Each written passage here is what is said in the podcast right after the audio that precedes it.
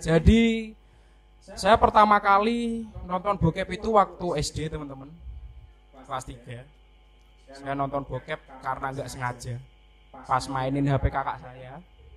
Saya waktu itu mainin file manager. Loh, kok ada video? Namanya anak kecil kan penasaran ya kan ya? Penasaran saya klik saya tonton. Loh kok videonya ada laki-laki sama perempuan? Kok dua-duanya nggak pakai baju. Lah kok perempuannya tiduran? Loh, loh. kok Pak Ustadz datang bawa golok? Oh ternyata video penyembelihan kurban